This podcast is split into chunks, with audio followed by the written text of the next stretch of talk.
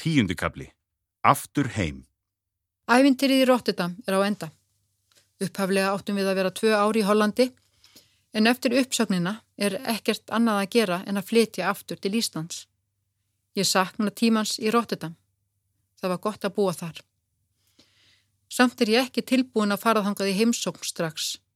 Það er einhvern veginn svo sárt að hugsa til þess að við þurftum að fara þaðan til neitt.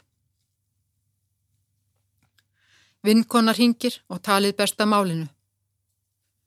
Hún segist hafa séð eitthvað fjallað um óla í stundinni í greinum ofbeldi kakvart konum almennt. Ég er nógu vittlös til að fara að leita greininni og lesa hana. Ég á að vita betur. Ég dett beina leið niður í svartnættið þegar ég sé þessa umfjöllun og viðbröður lesenda.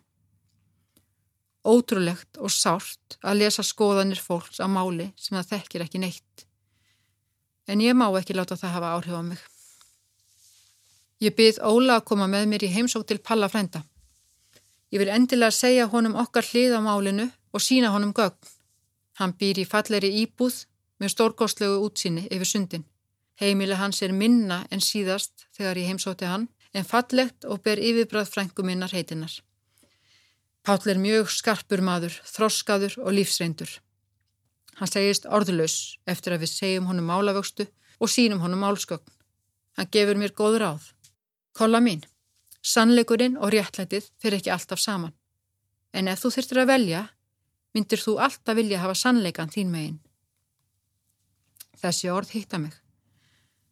Almenningsálitið skiptir ekki máli þegar samviskan er hrein.